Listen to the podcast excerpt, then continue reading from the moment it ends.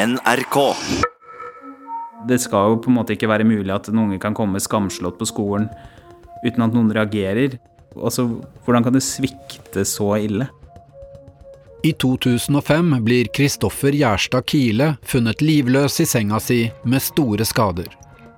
Saken der en gutt på åtte år ble funnet død i sitt eget hjem i Sandefjordsdistriktet, er henlagt av statsadvokaten. For Kristoffers mormor starter en kamp for rettferdighet. Satt jo på grava til Kristoffer og sa det at jeg greide jo ikke å redde deg, men jeg skal i hvert fall kjøre på så vi får sannheten. Jeg skjønte øyeblikkelig når jeg åpna dokumentbunken denne saken skulle aldri vært henlagt.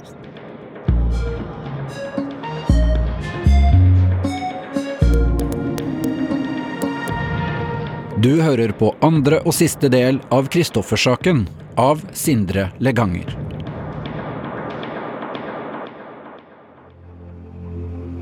Jeg gikk jo på gulvet, jeg trodde jeg skulle tørne, og det tok jo så lang tid. Jeg trodde de skulle bare få den på sykehus, ikke sant. Kristoffers mormor Ragnhild Gjerstad har akkurat fått en telefon fra sønnen sin om at en ambulanse har kjørt inn foran leiligheten der Kristoffer bor, sammen med moren og stefaren sin. Vi trodde jo ikke det var så ille. Holdt på å gå meg halvt på gulvet her og tenkte hvorfor ringer han aldri? Og venta og venta, og så ringer han og sier 'mamma, de greide ikke å redde den'. Og da trodde jeg jo jeg skulle gå til gulvet.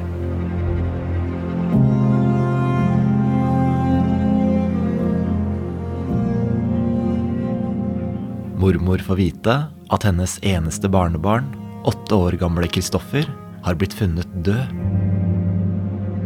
Etter det første sjokket begynner tankene å kverne om hva som kan ha skjedd.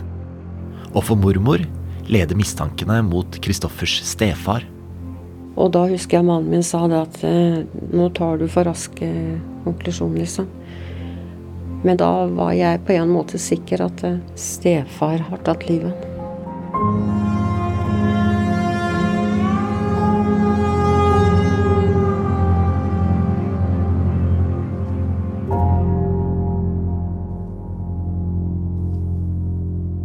Vi ble oppringt fra det lokale politiet den 2.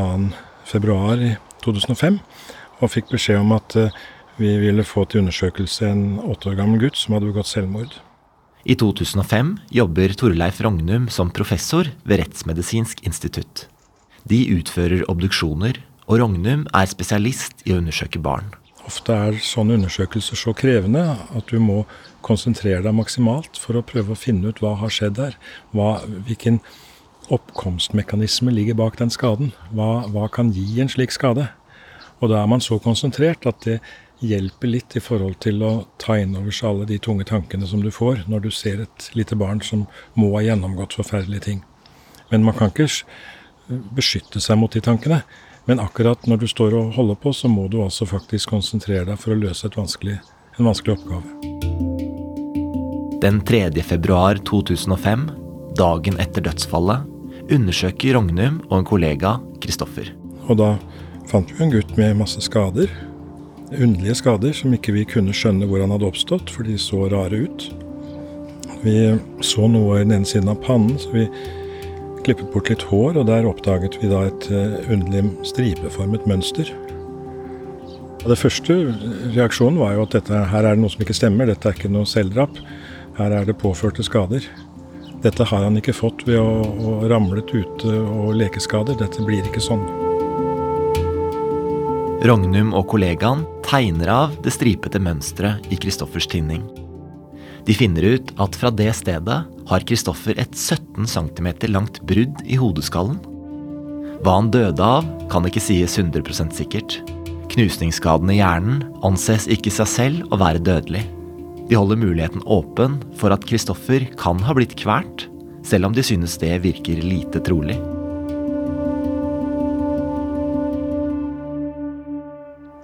Etter at obduksjonen er ferdig, diskuterer Rognum og kollegaen det de har funnet ut med politietterforskerne. Vi spurte om ikke vi kunne få lov å komme ned på, på stedet og se om vi kunne finne noe som kunne forklare disse skadene. Som kunne liksom være med å hjelpe oss til å tenke en oppkomstmekanisme. Kvelden Kristoffer døde, hadde kroppen hans blitt frakta til sentralsykehuset i Tønsberg. Moren og stefaren hadde også dratt dit, og da legene tok opp spørsmålet om obduksjon, skjedde det noe spesielt. Ifølge en dom som kom seinere, reagerte stefaren da svært kraftig. Han sier til moren, du vil vel ikke la dem skjære i gutten din? Ifølge en av legene som er til stede, virker moren redd. Hun sier likevel at hun vil ha en obduksjon, sånn at de kan finne ut av hvordan Kristoffer døde.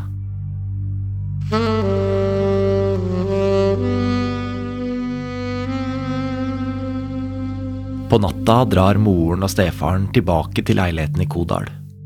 Og på rommet der Kristoffer døde, og det kanskje finnes spor etter hva som skjedde, settes det i gang en grundig vask.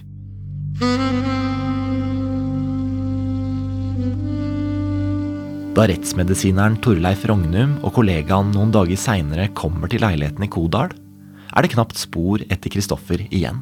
Hans rom lå inn til venstre. Det hadde blå vegger, vinyltapeter, men det var totalt rengjort. Og det var sikkert flyttet mange ting også, så det var i grunnen litt i seneste laget. Men akkurat der hadde vi jo hell i uhellet at uh, veggene var ikke flyttet.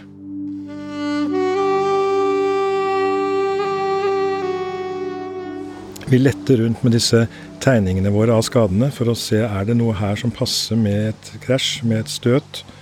Og så fant vi da at veggen, tapetet i veggen, hadde en, en sånn, det var vinyltapet med veldig skarpe profiler. Og når vi da så på de og sammenlignet det med, med de tegningene vi hadde gjort av skadene, så syntes vi at dette passet sammen. Og vi gjorde også et eksperiment ved å trykke våre egne hender mot den veggen og ta bilde av det med målestokk, og det stemte faktisk helt med den skaden i tinningen til Kristoffer. Så vi kunne nokså raskt slutte at hodet hans hadde støtt mot veggen i rommet med stor kraft.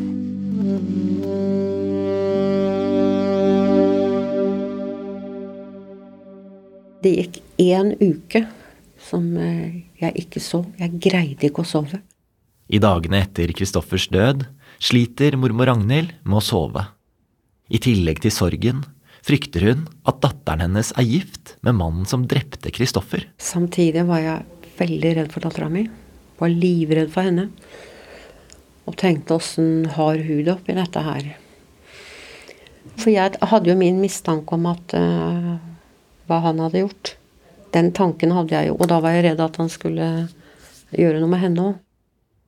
Mormor Ragnhild bor i Kodal utenfor Sandefjord, og nyheten om dødsfallet sprer seg i den lille bygda. Det som kanskje var det verste, det var det at når folk kom og spurte, liksom, og jeg kunne på en måte ikke si noe, for jeg hadde den følelsen at det var noe som ikke stemte.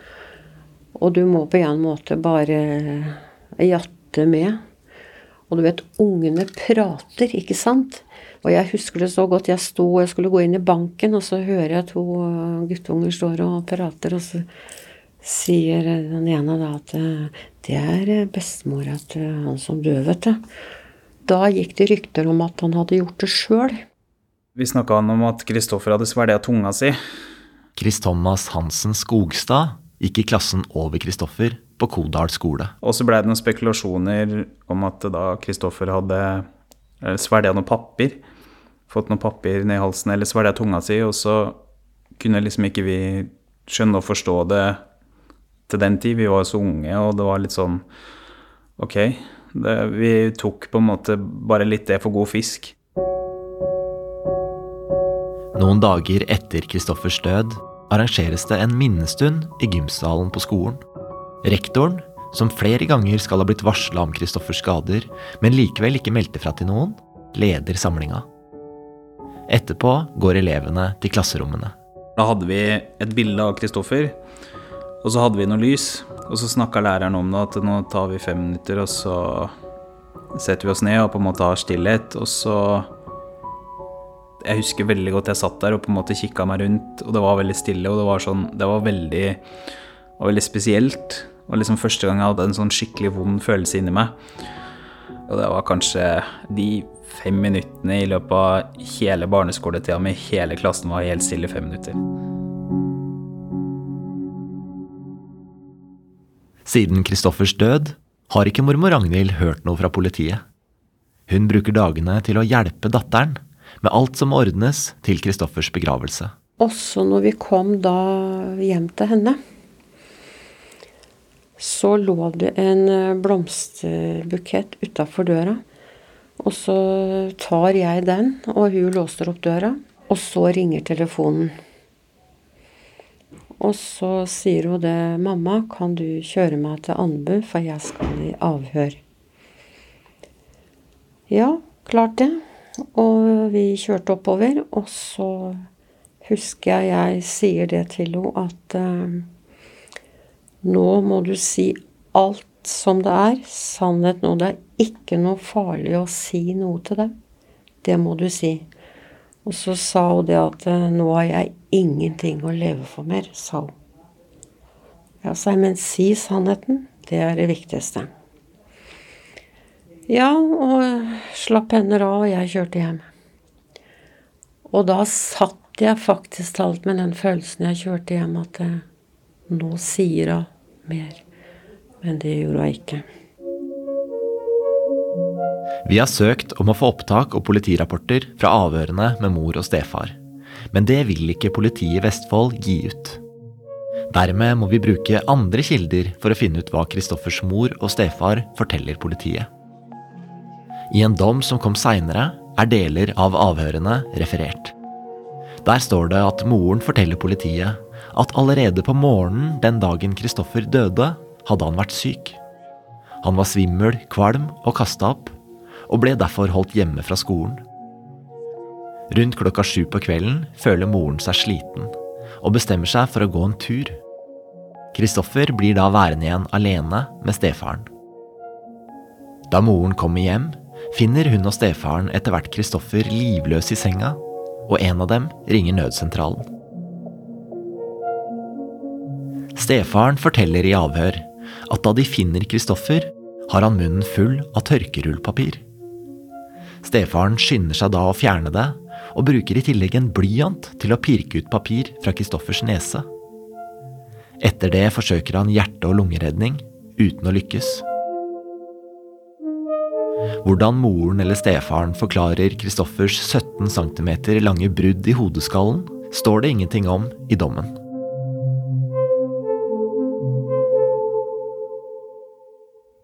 Da de rettsmedisinske undersøkelsene av Kristoffer er ferdig, kan han begraves. Men da hadde datteren min ringt og sagt det at stefar ville gjerne se han. Og da sa jeg det at eh, da skal jeg jo det. Før seremonien arrangeres det derfor en syning av Kristoffers kropp for familien. Så ringer de da fra begravelsesbyrået til meg, og så spør de om eh, jeg kan ta med en lue. Nei, sa jeg. Det får være som det er. Og så når vi kommer da inn, så står da stefar, datteren min og en arbeidskollega av henne. Jeg er god venninne av Og så går jeg inn først. Og jeg eh, dro i alle klærne for jeg skulle se det jeg kunne. Ragnhild hører stefaren komme inn bak henne. Og så kommer eh, stefar, og han står sånn, helt sånn, rist der. Og så spør han da han eh, begravelse om det var et toalett der. Ifølge Ragnhild forsvinner stefaren ut. Og datteren min hun skriker noe vanvittig, og så sier jeg det til henne at uh, du må prøve å komme inn og se. For det jeg ville, det var at hun skulle se det med sine øyne, ikke hans øyne. Så jeg sa kan du i hvert fall ikke stå i døra, så se inn. Så gjorde hun det. Eh, og så hun skreik, og så sa hun jeg kjenner henne jo ikke igjen. Og da følte jeg det at eh, jeg hadde fått nok. Men da var jeg helt sikker, altså. Når jeg så den reaksjonen på han. For det han tålte på en måte ikke å se henne. Kristoffers mor og stefar har fått mulighet til å delta i dette programmet. Det ønsker de ikke. Etter at rettsmedisineren Torleif Rognum og kollegene har levert obduksjonsrapporten med beskrivelsen av kraniebruddet til Kristoffer, begynner politiet også å mistenke at det kan være noen av Kristoffers nærmeste som har skylda for at han døde. Vi tenkte nok at uh, her har vi funnet den sannsynlige dødsårsaken. Og da er det jo opp til uh, påtalemyndigheten på en måte å trekke konklusjonen av det, da. I så alvorlige saker er det daværende statsadvokat i Vestfold, Kjetil Omholt, som skal bestemme hva utfallet blir.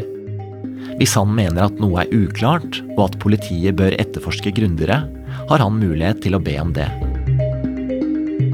Etter fem måneders etterforskning er statsadvokaten fornøyd.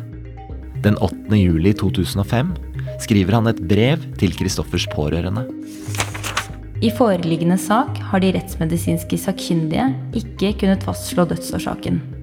Kristoffer Kile kan ha omkommet som følge av de påviste hodeskader.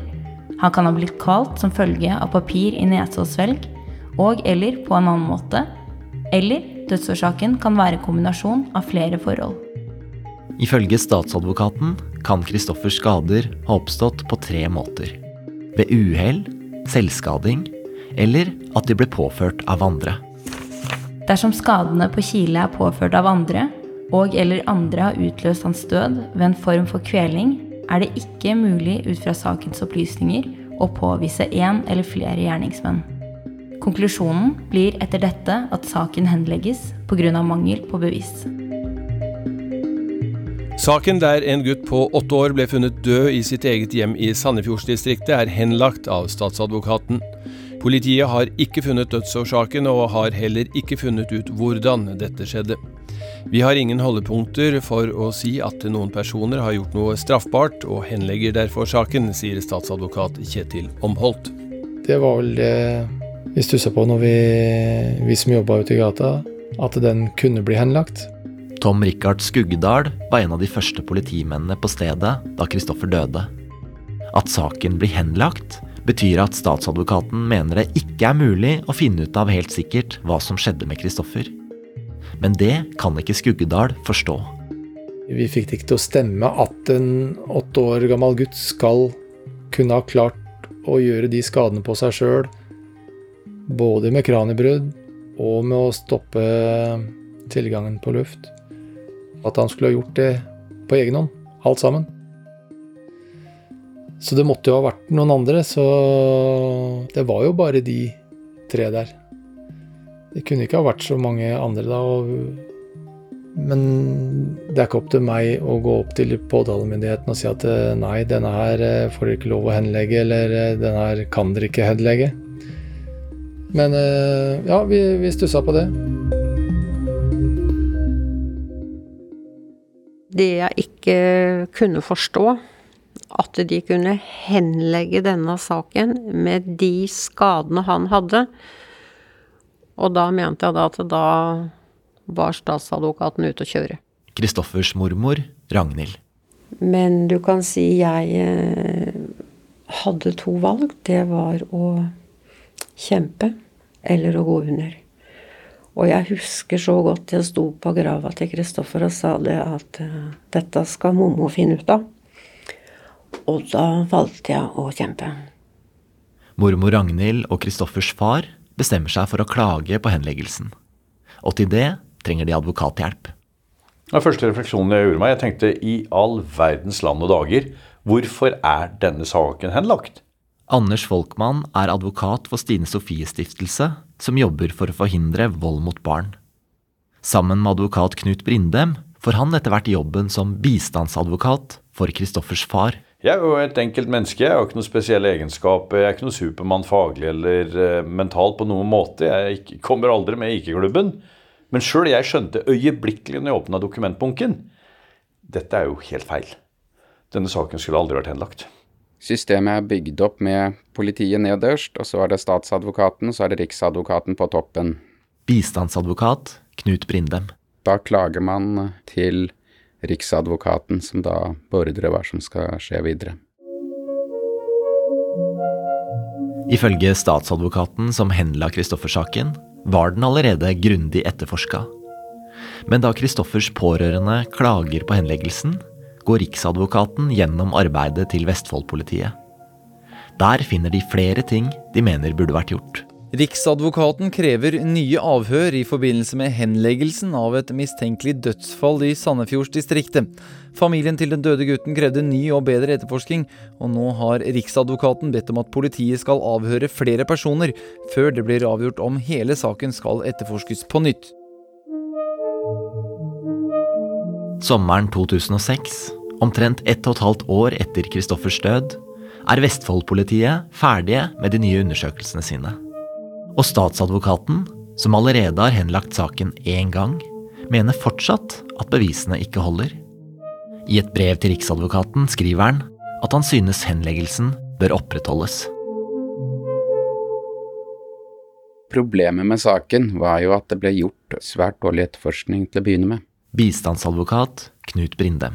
Her fikk jo mor og stefar muligheten til å gå hjem og rydde rommet og vaske og alt sammen fra sykehuset uten at det ble tatt noe ordentlig etterforskning i hjemmet. Ikke foretatt uh, noen ting, nesten. Dyner og madrasser var vel fjernet, så vidt jeg husker uh, riktig. Det er jo ganske påfallende å gjøre med en gang man kommer hjem når gutten er uh, dødd. Det, det, kunne vært noe viktig ting for politiet der, da. Jeg syns det er slapphet, slurv og slendrian og dårlig arbeid. Men på det menneskelige planet så kan jeg faktisk av og til skjønne at folk bare snur seg og sier dette blir for, det blir for heftig. Bistandsadvokat Anders Folkmann. Dette er fæle saker. Det setter preg på mennesker. Det er fryktelige bilder. Det er eh, vondt og vanskelig og En har ikke lyst til å forholde seg til det.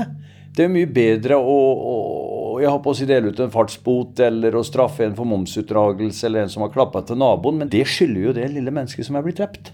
Vi, vi kan ikke liksom gå forbi det.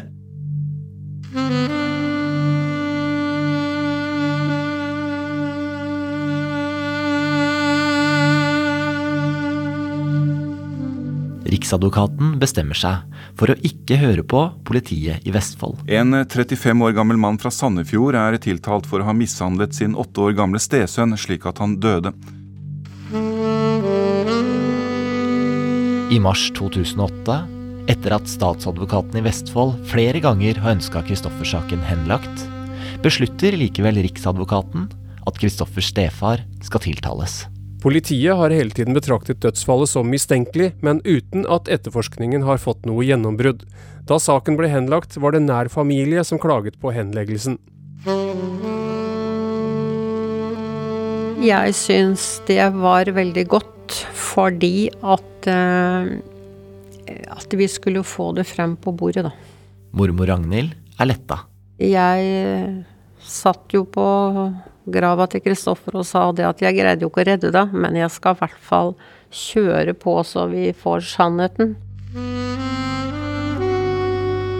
Jeg var ikke så opptatt av det at han skulle få straff, at det skulle være så og så mange år, men at det er rettferdig. At har du gjort noe galt, så skal du straffes for det.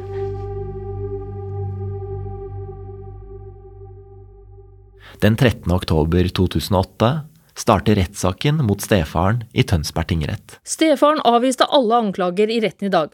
Han forklarte at han hadde hatt et godt forhold til stesønnen, selv om gutten kunne være svært urolig og sinna. Åtteåringen hadde mange skader og blåmerker den siste tiden før han døde. Stefaren forklarte i retten at han trodde dette skyldtes fall i akebakken eller juling fra medelever. Da aktor spurte om han noensinne hadde gitt gutten juling, benektet han dette. Noen dager etter stefarens forklaring er det pappaen til Kristoffer sin tur til å vitne. Mens moren i går fortalte om en snill og omsorgsfull stefar, ga faren et annet bilde av stefaren. Ifølge faren hadde han et godt forhold til sønnen sin før stefaren kom inn i bildet. Ifølge faren hadde gutten blitt sintere og mer aggressiv, og på spørsmål om hvorfor han ikke ville besøke faren sin, hadde han sagt til sin farmor at han måtte være hjemme for å passe på moren. Og det var en ganske absurd opplevelse. For det var liksom ingen tvil. Anders Folkmann er bistandsadvokaten til faren til Kristoffer, og er til stede i rettssalen. Det var nesten som å dra tåka vekk av sjøen en tidlig morgen. For alle satt jo bare og tenkte Var det dette, denne saken som holdt på å forsvinne ned i statsadvokatens arkivskuff? Når det er så åpenbart hva som har skjedd her. Jeg tror ingen som satt i den retten var i det minste tvil om hva som hadde skjedd den kvelden med Kristoffer, og alle hadde vel en forferdelig vond følelse i kroppen av at det her egentlig holdt på å bli glemt av historien. Jeg husker det var en sånn ubehagelig stemning, rett og slett, fordi at eh, vi hadde jo bak oss da et langt løp med klager og eh, virkelig pisk for å få denne saken opp, og så sitter alle og tenker liksom jøye meg, hva var det som var på å glippe nå? En 36 år gammel mann er i Tønsberg tingrett dømt til seks års fengsel for å ha drept stesønnen sin. Tingretten mener 36-åringen hadde mishandlet gutten grovt i lang tid. Kristoffers stefar blir kjent skyldig i å ha mishandla Kristoffer til døde. Ifølge forsvareren hans, Brynjar Meling, er dommen feil. Han beskriver den som basert på svake bevis pakket inn i gode erklæringer, og at tvilen rundt skyldspørsmålet aldri ble drøfta skikkelig. Han har, siden han ble avhørt første gang fra politiet, hele tiden fastholdt at han ikke har gjort noe med sin støsønn som skulle ha forvoldt hans død. Stefaren anker dommen til lagmannsretten, og der blir han dømt igjen. Straffen må være strengere enn aktors påstand på sju års fengsel, mente dommerne, som syntes det var særlig skjerpende at stefaren la skylden for skadene på gutten selv. Skadene bortforklarte tiltalte med at de kunne være selvpåførte. Vi har å gjøre med voldshandlinger som ligger nær opp til forsettlig drap. Lagmannsretten er blitt stående ved fengsel i åtte år som passende straff. Åtteåringen var en forsvarsløs og sårbar gutt, sa dommeren i dag, og la til. Ikke engang moren stilte opp for ham.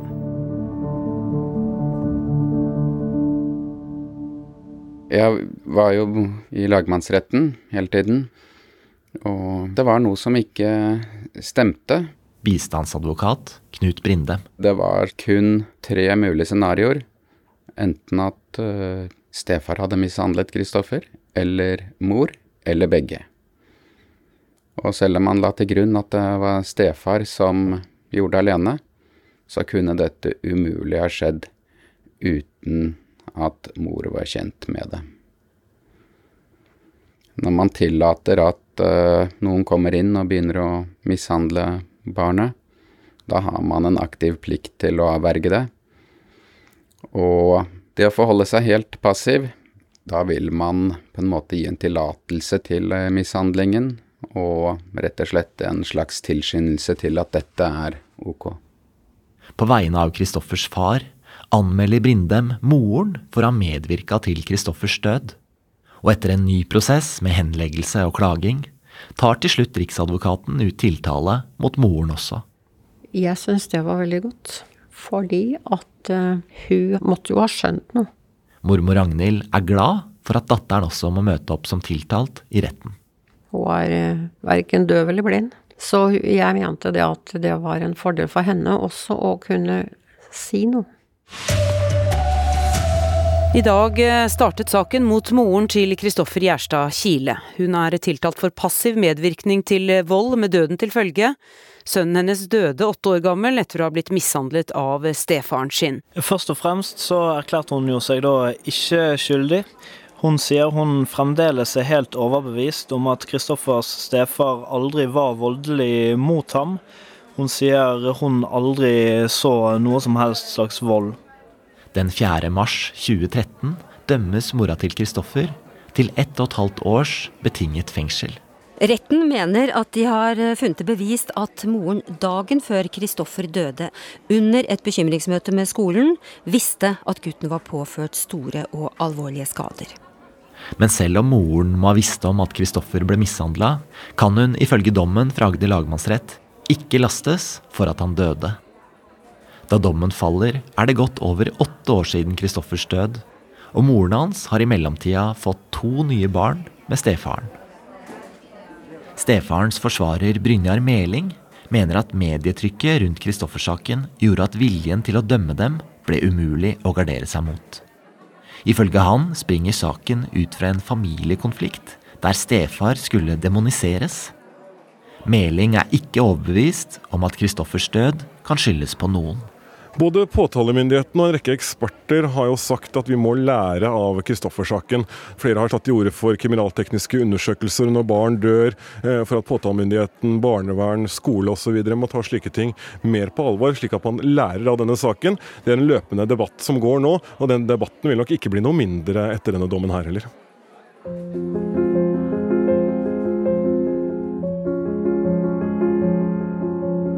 Etter Kristoffer-saken gjennomfører Fylkesmannen i Vestfold et tilsyn med både sentralsykehuset i Vestfold og skoletjenesten i Andebu. Begge får hard kritikk.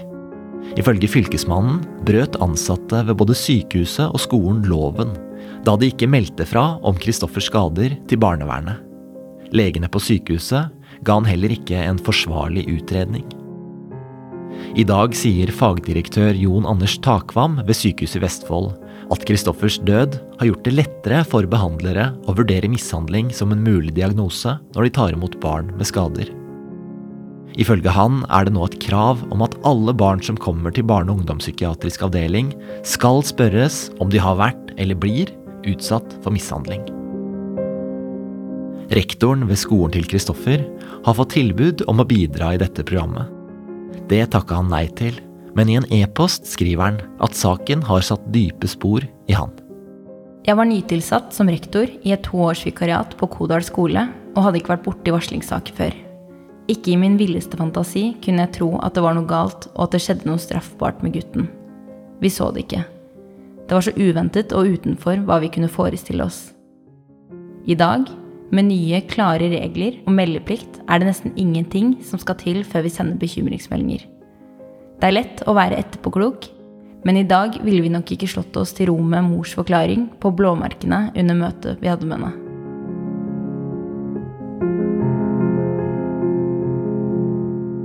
Jeg tror vi alle sammen sitter med en litt sånn vond klump i magen fordi vi nå er voksne. I dag er Kristoffers skolekamerat Chris Thomas Hansen Skogstad 25 år. Jeg tror vi alle sitter litt med den tanken at åssen har det skjedd? Altså det, det, skal jo på en måte ikke være mulig at en unge kan komme skamslått på skolen uten at noen reagerer. Jeg ringer barnevernet, politiet, et eller annet. Og at det her da skjer over så lang tid. Altså, hvordan kan det svikte så ille?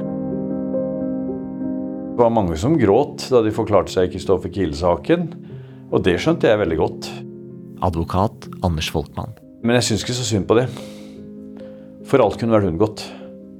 Det hadde egentlig bare vært å sagt vet du hva, jeg gir blaffen i taushetsplikten min. Jeg tar en sjanse for en unge og sier ifra. Og så hadde ikke Kristoffer Kille dødd. Så det går liksom på skal du synes synd på de som gjorde det mulig at gutten døde? Nei, Det er ikke der mitt fokus er. Jeg syns mye mer synd på den ungen som ikke fikk livet sitt. For det var ingen grunn til å ikke reagere her. Etter Kristoffer-saken beordra daværende riksadvokat Tor Aksel Busch at vold mot barn måtte etterforskes grundigere enn tidligere.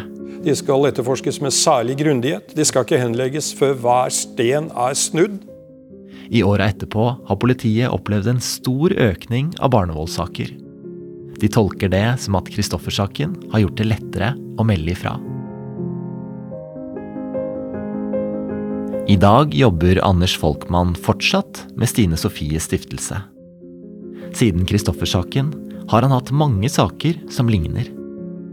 Han mener det er vrient å forklare hva disse barna faktisk utsettes for. Men vi får jo bildemapper som viser hva sluttresultatet er. Og det er ikke så fryktelig vanskelig å tenke seg hvilket helvete disse ungene har vært gjennom før de fikk lov til å dø. For det er så grov mishandling, det er så mye vold, det er så mye forferdelig. Men hvis en setter seg inn i, bak øynene til en sånn liten unge og ser alle de vonde dagene, alle de vonde åra kanskje, så er det jo vanskelig å ikke bli engasjert. For det er jo de som ikke har noe vern blant oss. Det er jo små mennesker med tynne stemmer, og ofte blir de jo klemt mellom to voksne, og døra blir lukka igjen. Og hvem, hvem er det som skal hjelpe dem da? Det er ingen kontakt. Absolutt ingenting. Og det er jo forferdelig vondt å vite at du har en datter som faktisk alt er levende død. Ragnhild Gjerstad har ikke snakka med datteren sin siden Kristoffers begravelse. Vi har jo ikke mista bare han, men vi har mista henne òg, så vi har mista to. De to barna som datteren siden fikk med stefaren, er blitt omplassert i fosterhjem. Ragnhild håper at hun en gang kan få kontakt med dem. Og at hun på en eller annen måte kan forsones med datteren. Det savnet etter henne og Kristoffer, det er jo der. Det, det blir du aldri kvitt. Det tar du jo med deg i grava. Det verste er jo det at du ikke fikk redda han. Det syns jeg er verst. Ja. Det At man ikke forsto, det er vondt. Men det er klart det var vanskelig de første gangene å kjøre da.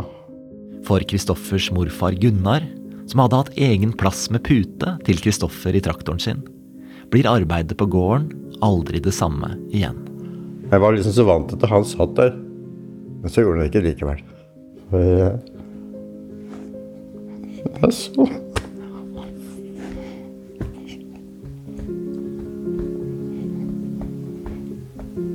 Men det henger i en god stund. Så det var hardt. Min største drøm, det er at eh, på melkeliteren Den har fire sider. På den ene sida skal det stå 'du har ikke lov å slå'. Andre 'du har ikke lov å misbruke barn'. Du har ikke lov å true barn. Alle barn har rett på en trygg barndom. Hvis den melkeliteren står på frokostbordet, den gjør noe med de stakkars ungene som opplever det. Kan tørre å si ifra. For melkeliter, det er noe alle har på bordet. Så den jobber jeg for. For det er eh, veldig, veldig mange unger som har det ikke greit.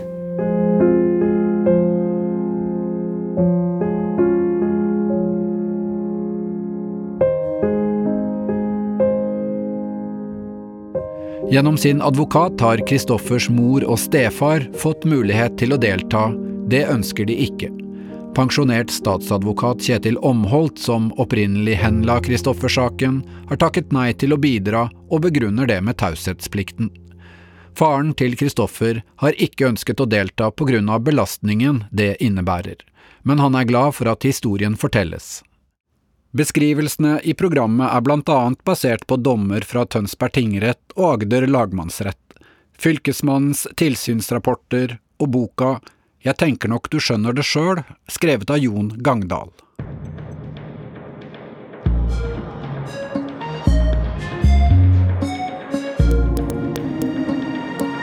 Dette var andre og siste del av hele historien om Kristoffer-saken. Regi og lyddesign ved Sindre Leganger i Svarttrost Produksjoner. Research og opptak ved Ellen Wisløff, Kari Hesthamar, Kristin Marie Hauge og Synva Hjørnevik, som også leste utdrag. Arkivresearch ved Beate Riser. Logging av Tage Tollefsen, Sverre Nilsen og Silje Mathisen. Takk til Kjetil Østli, Jon Gangdal, Ada Sofie Austegård og Kåre Svang for hjelp.